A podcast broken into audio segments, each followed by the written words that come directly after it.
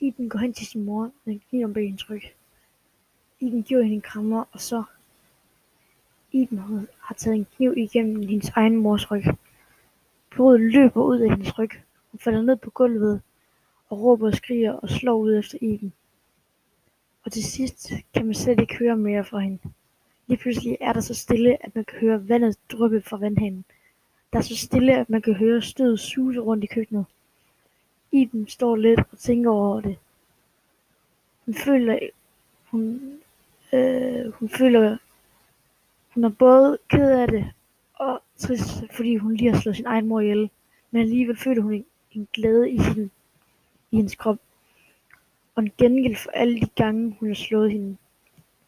Iben tager et glas vand og tænker over det, og hvad hun skal gøre med hende, og hvad hun skal sige til Louise og de andre. Men hun ved også godt, at de er på hendes side.